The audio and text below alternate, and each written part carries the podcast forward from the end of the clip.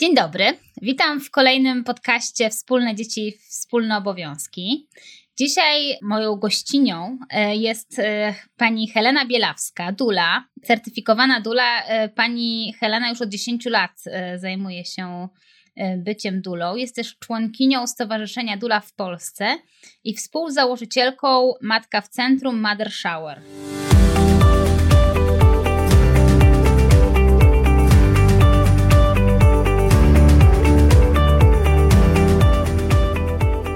Słuchacie podcastu Wspólne dzieci, wspólne obowiązki. Rozmawiamy o urlopie rodzicielskim w Polsce i na świecie, a szczególnie o tym, jak można go podzielić między kobietę i mężczyznę. Mówimy o wszystkich zagadnieniach związanych z tym tematem: partnerstwie w związkach, wychowaniu dzieci, aspektach prawnych, uwarunkowaniach społecznych i o wielu innych ważnych kwestiach. Podcast prowadzą Karolina Andrian i Joanna Włodarczyk.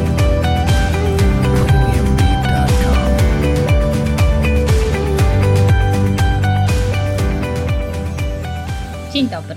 Dzień dobry. To może zaczniemy od tego, żeby Pani powiedziała właśnie, co to znaczy bycie dulą, na czym polega e, to zajęcie. Kim jest dula? Dobrze. Kim jest dula, tak. Dula jest kobietą najczęściej. Kobietą jeszcze w Polsce nie ma mężczyzn dul.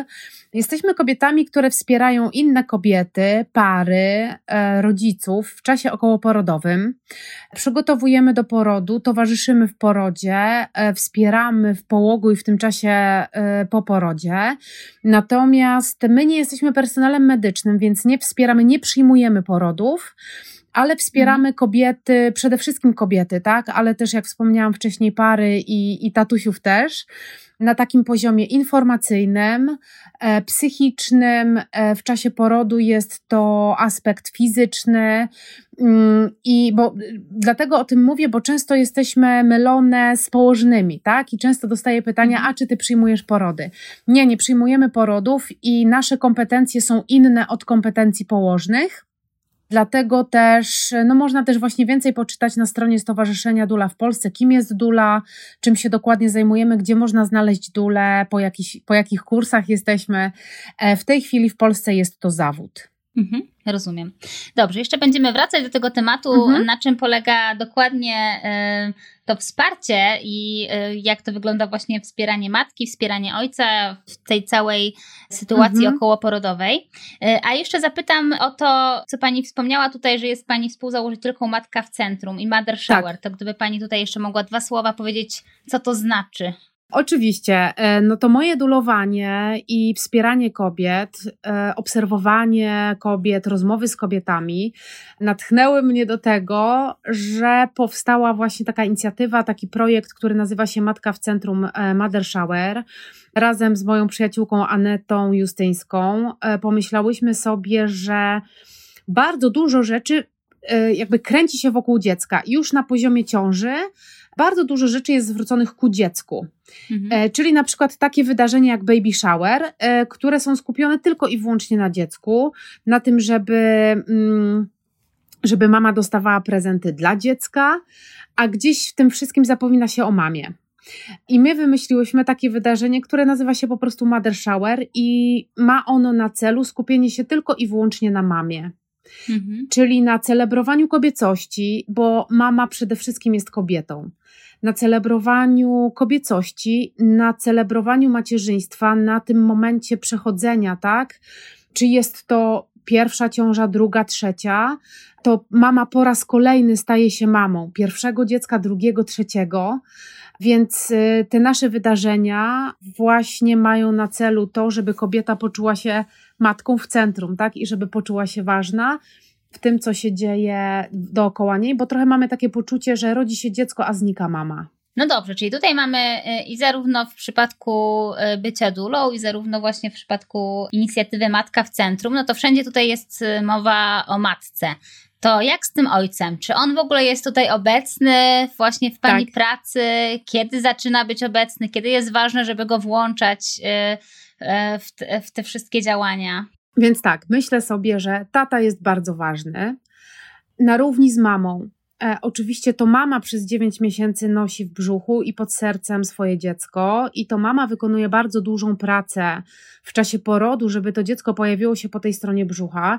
Natomiast umówmy się, bez taty nie będzie po pierwsze tego dziecka, mm, a po drugie, ta nasza inicjatywa też i Matki w Centrum i organizowania tych Mother Shower to też jest trochę dla nas taka wskazówka dla najbliższego otoczenia mamy, żeby pokazać, że to jest tak, że nie ma mamy bez taty, bez tego wsparcia. I tata jest tą osobą, która ma największą opcję tego, żeby wspierać mamę róż, na różnych poziomach i w różnych momentach macierzyństwa.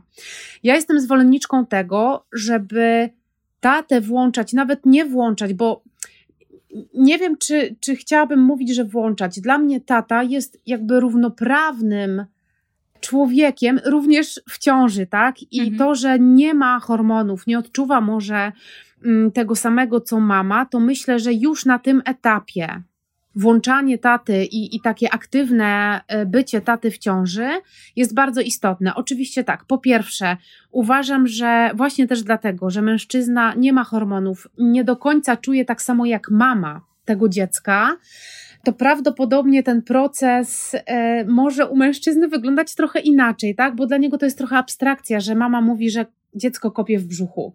On tego nie zawsze czuje tak samo jak mama. Natomiast ja jestem też w tej chwili na takim szkoleniu z analizy prenatalnej, analiza więzi prenatalnej i też wiemy, i jest to też naukowo udowodnione, jak ważne mm, dla dziecka i tworzenia więzi później po porodzie jest to, żeby tata mówił do dziecka, dotykał brzucha, mhm. e, żeby jakby trochę też nawet samymi myślami uczestniczył już w tym, że to dziecko się rozwija w brzuchu mamy.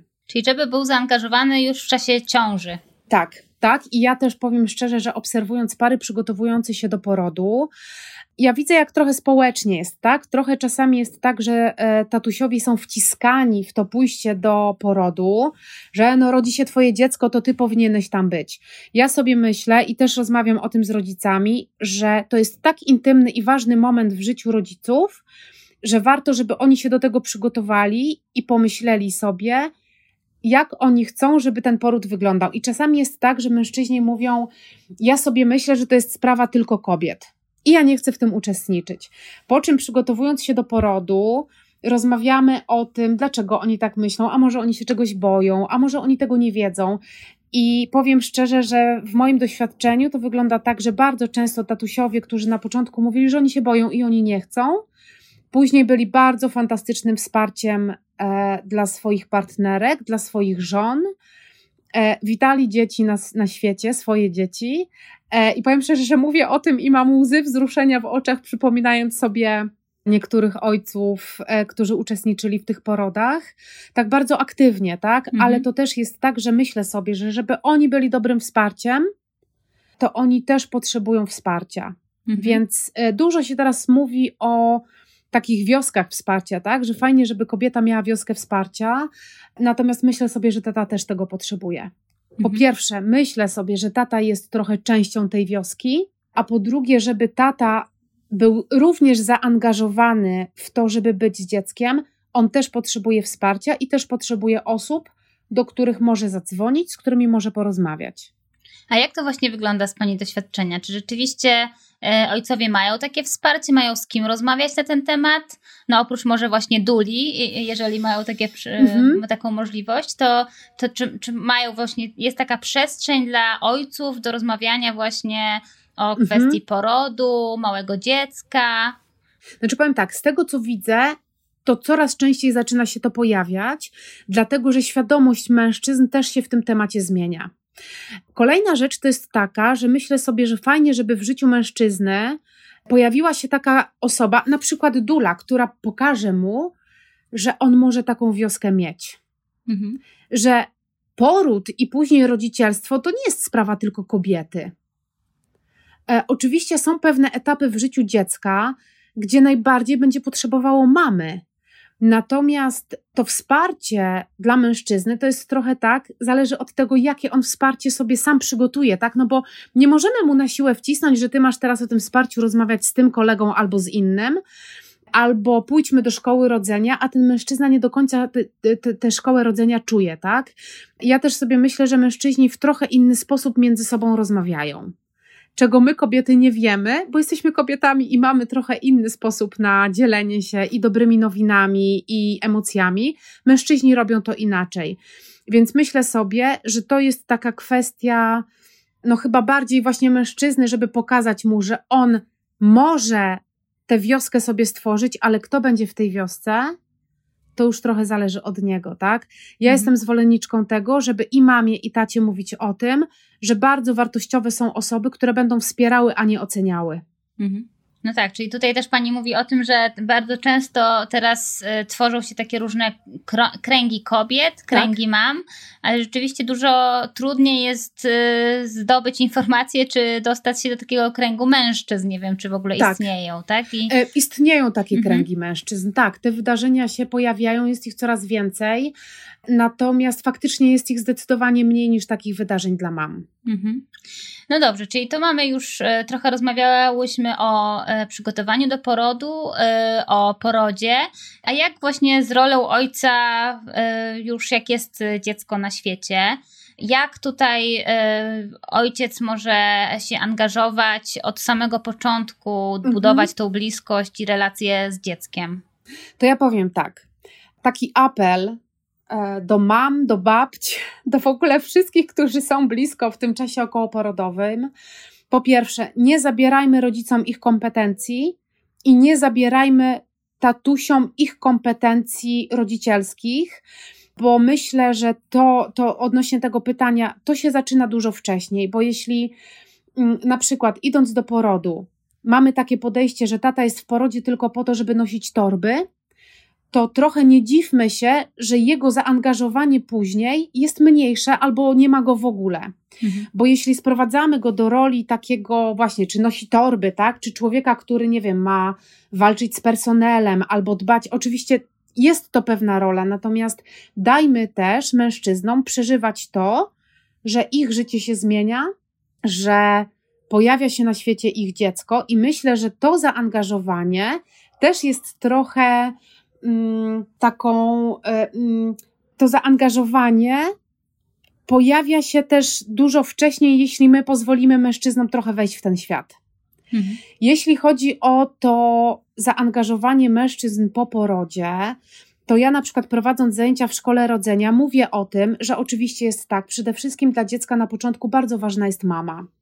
Bo mama ma piersi, bo mama ma pokarm, bo dziecko było przez 9 miesięcy w brzuchu mamy, i ono ją najbardziej zna. Natomiast ta praca, którą wykonuje tata jeszcze jak mama jest w ciąży, czyli mówi do dziecka, jest blisko mamy, to dziecko już to wyczuwa, tak? I myślę, że to jak dziecko już jest po tej stronie brzucha i ten dotyk taty, głos taty, to co tata robił już przez cały czas ciąży, może być też dobrym wsparciem dla mamy i już tym zaangażowaniem w życie dziecka, w dzielenie. Ja też nie lubię sformułowania dzielenie się obowiązkami. Mhm bo to nie jest dzielenie się obowiązkami, to jest bycie dwojgiem ludzi, którzy są rodzicami i mają takie same obowiązki. Mhm. Oczywiście ten, ta rola taty jest na początku trochę mniejsza, dlatego że tata nie może nakarmić piersią. To robi mama. E, ale tata może wstać w nocy i zmienić pieluchę, co spowoduje, że mama wtedy dostanie wsparcie fizyczne i ona będzie mogła więcej czasu poświęcić dziecku, tak? Bo to jest trochę, ja też mówię o tym, o tym na zajęciach, e, zasada maseczki tlenowej w samolocie, tak? Że mm, jeśli jest, e, stewardesy mówią o tym, tak? Że jeśli spada maseczka tlenowa i jest mama z dzieckiem, to najpierw mama zakłada sobie po to, żeby pomóc dziecku. Mhm tak? Albo tata, I, zależy albo kto leci. tata, Albo tata, dokładnie. Ty, ty, tak, proszę zobaczyć, jakimi też stereotypami i schematami ja myślę, tak?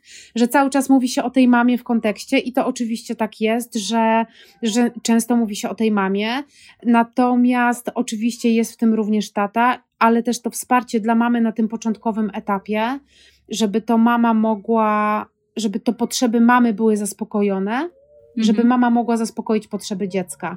I to nie jest tak, że tata ma zaspokajać, zaspokajać potrzeby mamy, a jego potrzeby nie mają być zaspokojone. Absolutnie. Natomiast myślę, że na początku po prostu te potrzeby mamy mogą być trochę większe. Mhm. No tak, no też już mówimy tutaj o połogu, tak, że też tak. jakby jest ten czas, kiedy, że kiedy kobieta po porodzie też potrzebuje przestrzeni, żeby dojść do siebie też i, i sama tak. e, też mieć na to przestrzeń. No a jakby kiedy zaczyna się taki moment, Pani zdaniem, że rzeczywiście e, tata może zacząć też e, jakby zaspokajać potrzeby dziecka, a nie tylko potrzeby właśnie, nie tylko wspierać w tym mamy, no bo wiadomo mhm. też... E, znaczy, ja myślę, że to tata zdecydowanie może robić od początku, na przykład poprzez naukę chustonoszenia. Mhm. Tak, i może wziąć dziecko w chustę na godzinę, dwie, to zależy oczywiście od dziecka tak? Bo nie zawsze dziecko będzie chciało być e, u taty w chuście, natomiast tata może robić to od początku. Tata może robić to od początku właśnie, na przykład zmieniając pieluchy, na przykład kąpiąc. Ja ostatnio widziałam taki bardzo wzruszający wpis jednej z moich koleżanek e, Dul, które napisały o tym, że y, urodziły kolejne dziecko i w zasadzie one tych swoich dzieci w zasadzie nie kąpały, bo robi to tata. Mhm. No tak. To, to, to często też, jak ja byłam na szkole rodzenia, to też była taka mówienie o tym, że to jest akurat coś, co, co jak najbardziej tata może robić, może to być całkowicie jego jakby tak, obszar tak. kompetencji. Natomiast, tak, natomiast ja chciałabym też, ponieważ to jest też moje doświadczenie, samodzielnego macierzyństwa. Mhm. I tutaj myślę, że ta rola mężczyzny i powiedzmy dzielenie się obowiązkami może wyglądać trochę inaczej, co nie znaczy, że ono nie istnieje. Ja chyba dlatego o tym teraz wspomniałam, bo też czytając ten post, mm, mnie na przykład osobiście tak dosyć poruszyło to, że ojej, a ja moje dziecko kąpałam zawsze sama. Mhm. Tak? I ja też na, na, przykład zupełnie inaczej na to spojrzałam, że okej, okay, jak jest tata w domu, to on może robić naprawdę bardzo dużo rzeczy. Mhm. E, może kąpać, może przywijać, może przebierać, może wychodzić na spacery. E, my tutaj wcześniej trochę też rozmawiałyśmy o karmieniu piersią i oczywiście jest tak, że to mama ma tę pierś, Natomiast są takie momenty w tym karmieniu, że mama może nakarmić dziecko i może wyjść do fryzjera, a w tym czasie może tym dzieckiem zająć się tata. Można też próbować e, odciągać pokarm i próbować podawać ten pokarm butelką dziecku. Natomiast to też nie jest takie zero-jedynkowe i takie oczywiste, bo to też dużo zależy od dziecka i nie zawsze dziecko chce tę butelkę. Mhm. Tak, ale są różne możliwości podawania pokarmu mamy nie tylko przez pierś. Mhm. Tak, właśnie chciałam o tym karmieniu piersią trochę więcej porozmawiać, bo też mhm. E, tutaj, kiedy my jako Fundacja Share the Care też e, mówimy o tym, że e, staramy się jednak upowszechniać takie podejście, żeby też tata był na urlopie mhm. rodzicielskim, czyli nie, żeby nie było tak, że przez cały rok tylko mama jest dzieckiem, ale też się wymieniają i tata zostaje. E, oczywiście może to być pół na pół, czyli po 6 miesiącach, może to być po 10 miesiącach, na przykład tata zostaje na dwa miesiące. Mhm. I często się pojawia taki argument, no dobrze, ale tata piersią nie nakarmi, a że ważne jest to karmienie piersią właśnie i, i co najmniej mhm. rok. No i że to absolutnie wyklucza to dzielenie się, e, dzielenie się tym urlopem mhm. rodzicielskim.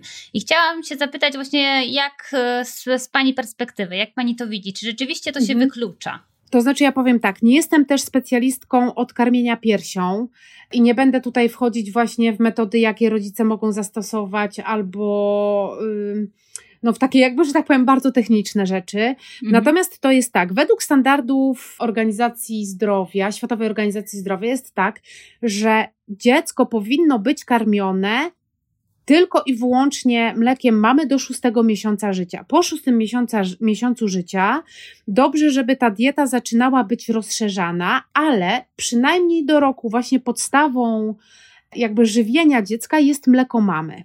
Mhm. I myślę, ja też tak trochę wróciłam teraz pamięcią do mojego młodszego dziecka i do naszego karmienia piersią. Myślę sobie, że to też jest dosyć indywidualna kwestia dziecka, co ono je, jakie posiłki możemy mu podać po tym szóstym miesiącu, jak możemy to rozwiązać, bo myślę, że karmienie piersią nie wyklucza podziału urlopu macierzyńskiego. Mhm. Myślę, że to jest, znaczy nie, nie chcę powiedzieć, że to jest wymówka, bo bo to jest też trochę, myślę, że tak, że to karmienie piersią to nie jest tylko dziecko, to jest też mama. Mhm. I pytanie, na ile mama jest gotowa, żeby wrócić do pracy i żeby trochę to karmienie piersią zmniejszyć. Mhm. Więc to nie jest tylko taka odpowiedź, że tak lub nie. Myślę, że tu się składa wiele czynników, które powodują, że mama na przykład nie chce, albo tata nie jest gotowy. Natomiast wydaje mi się, że nie jest to, nie, nie wyklucza do tego, żeby rodzice mogli się tym urlopem macierzyńskim, tacierzyńskim podzielić. Rodzicielskim, tak. No Rodzicielskim, też, tak. też tutaj chciałam przypomnieć, że też oczywiście jak się wraca do pracy i karmi się piersią, to przysługuje przerwa na karmienie, którą można też odbierać po prostu wracając wcześniej na przykład do domu. Dokładnie. No i też pewnie tutaj, jak tutaj pani wspominała o różnych czynnikach, które o tym decydują, no to pewnie też właśnie kwestia też, nie wiem, elastyczności pracodawcy, co do właśnie tak. godzin pracy, dojazdu do pracy i tak dalej. Podejrzewam, że teraz jak może będzie część więcej możliwości pracy zdalnej, to mogłoby to być trochę prostsze. Tak, Natomiast y, rzeczywiście też jakby ja z własnego doświadczenia też y, mogę powiedzieć, że mm -hmm. rzeczywiście można wrócić do pracy karmić piersią i zamienić się tym e, urlopem, to znaczy, żeby tata został. Aczkolwiek tak. też, no wiadomo, że to, mm, tak jak tutaj też o tym rozmawiałyśmy, wszystko zależy od dziecka i być może dla, e, od dziecka i od rodziców, być może dla niektórych 6 miesięcy to będzie za, za wcześnie. Natomiast w przypadku tak. dziecka, czy 8-miesięcznego, czy 10-miesięcznego, to raczej większość dzieci już sobie jakoś tam poradzi z tym, że mamy tam przez kilka godzin nie ma. Tak, natomiast ja też, e, ja też słyszałam o takich sytuacjach, kiedy mamy na przykład wracały e, do pracy dwa tygodnie po porodzie albo trzy tygodnie po porodzie. No tak, to są jakieś drastyczne sytuacje trochę. To są drastyczne, ale też o takich sytuacjach mhm. słyszałam, tak? Więc e, ja myślę, że to jest bardzo indywidualne, natomiast nie bójmy się tego, tak? Że, że możemy tę opiekę e, podzielić. I to jest właśnie też trochę to, o czym rozmawiałyśmy wcześniej, że jeśli tata jest zaangażowany tak naprawdę od momentu zrobienia testu ciążowego, albo nawet i wcześniej, to myślę, że więcej rzeczy będzie dla niego naturalnych, a nie takich, że na przykład ktoś mu każe, albo że ktoś wymaga od niego, żeby on teraz zmienił swoje podejście i on ma teraz iść na urlop tacierzyński, czy tak, czy rodzicielski. Więc myślę, że to zaangażowanie mężczyzn od samego początku rozmowa z nimi, wsparcie ich może zaprocentować później tym, że po prostu więcej rzeczy będzie im przychodziło naturalnie i nie będzie dla nich zdziwieniem, że można tę opiekę podzielić. Mhm. A właśnie, czy w pracy z parami, które się spodziewają e, dzieci, spotkała się Pani w ogóle z takimi osobami, które właśnie, nie wiem, mówiły o tym, że rozważają ten podział e, urlopu rodzicielskiego, mhm. czy w ogóle wiedziały, że, że jest taka możliwość? E, spotkała się Pani z takimi sytuacjami? Powiem tak, że nie, ponieważ moje wsparcie dla par, tak naprawdę jako dula ono się trochę kończy wraz e, z końcem połogu tego takiego powiedzmy medycznego, czyli po tych sześciu tygodniach. E, więc te rozmowy o podziale, tak, kto idzie na urlop macierzyński i w jakim wymiarze, one oczywiście są wcześniej, tak, bo, bo mamy decydują, czy chcą iść na pół roku najpierw, czy na rok od razu i tak dalej. Natomiast ja powiem szczerze, że nie, nie słyszałam o tym, że rodzice o tym rozmawiają. Mhm nie, nie byłam świadkiem, dlatego dla mnie też jest ciekawe, co, e, co Państwa Fundacja robi, tak, że pomimo tego, że jestem bardzo za tym, żeby rodzice razem bardzo uczestniczyli w życiu dziecka, to była też dla mnie nowość, że są takie inicjatywy, które rodziców zachęcają do tego. Natomiast muszę powiedzieć, że na pewno w moim, w mojej pracy i w moim doświadczeniu widzę bardzo zaangażowanych obydwojga rodziców. No właśnie, to też kolejne pytanie, które chciałam zadać. E, czy na przestrzeni tych 10 lat, kiedy jest Pani Dulą, zauważyła Pani jakąś zmianę właśnie też e, w takim zaangażowaniu się obojga rodziców, w zaangażowaniu się ojców e, jakby w cały ten proces, w, w poród, w zaangażowaniu się w opiekę nad dzieckiem? Mm, to znaczy większość, większość chyba tych porodów, przy których byłam, to były porody, gdzie wspierałam obydwojga rodziców, tak? Gdzie tatusiowie też byli na salach porodowych. Więc ja widzę, że to się zmienia. Ja powiem tak, ja myślę, że w ogóle świadomość ludzi się zmienia, e, jeśli chodzi o poród, o bycie przy porodzie, o rodzicielstwo, że to nie jest tak, że właśnie, że to jest tylko mama, tylko że mogą mężczyźni w tym uczestniczyć, że to nie jest nic um, ujmującego męskości, tak? Bo czasami też, y, też w tę stronę słyszę, tak? Ja nie będę, bo, bo ja jestem zbyt męski na to. Więc widzę, jak bardzo się to zmienia, że mężczyźni chcą uczestniczyć, ale trochę, że tak powiem, na swoich warunkach. Ale na swoich warunkach myślę o tym, że oni chcą być do tego przygotowani, oni chcą podejmować decyzję, do którego momentu ja będę w porodzie, do którego momentu będę Ciebie wspierał. Tak samo kobiety coraz otwarciej mówią o tym, nie, nie musisz być przy porodzie, jeśli tego nie chcesz. Mhm. Więc e, no ja mam tę radość i ten zaszczyt wspierania naprawdę świadomych, fajnych rodziców, którzy tę opiekę dzielą. Czyli tutaj trochę się wyłania taka potrzeba, żeby był jakiś father shower, który tak. będzie wspierał tak. przyszłych ojców. E, no tak. bo też w naszej kulturze, no to głównie mamy jakieś takie e, kulturę, że jest tam to pępkowe oblewanie, a nie ma tak. takiego takiej e, kultury Takiego właśnie wsparcia. wspierania, tak? E, tak? Wspierania i, e, i jakiegoś takiego wysłuchania pewnie też młodych ojców, jak oni się z tym wszystkim czują.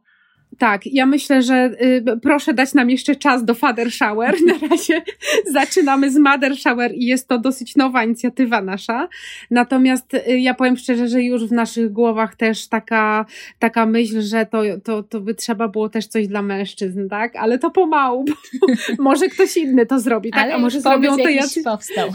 Tak, może to zrobią jacyś mężczyźni, tak? Żeby to było takie bardziej, e, bardziej dla taty ze wsparciem na przykład dul albo albo coś takiego, tak. A jeszcze też e, tak e, na zakończenie chciałam dopytać, bo Pani powiedziała na początku, że rzeczywiście nie spotkała się Pani z, z mężczyzną dulą, a w ogóle na świecie są mężczyźni dule? Tak, jest na pewno jeden w Kanadzie.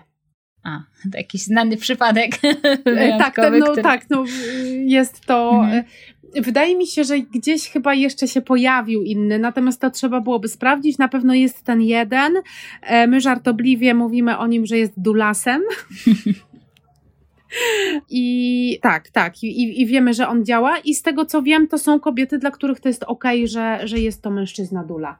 No tak, no właśnie to też mi się wydaje ciekawe, takie e, różne przekraczanie tych e, jakichś przyzwyczajeń związanych z płcią wokół, tak. wokół porodu też właśnie. Tak, dokładnie. No dobrze, to dziękuję bardzo. Nie wiem, czy tutaj coś jeszcze by Pani chciała dodać do tej naszej rozmowy.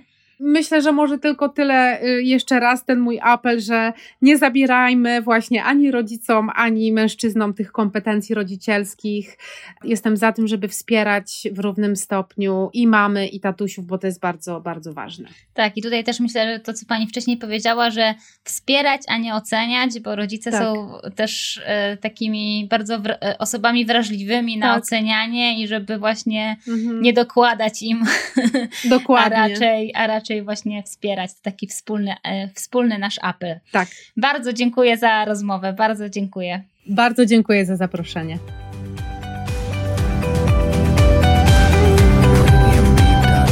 Podcast prowadzony w ramach działań Fundacji Share the Care.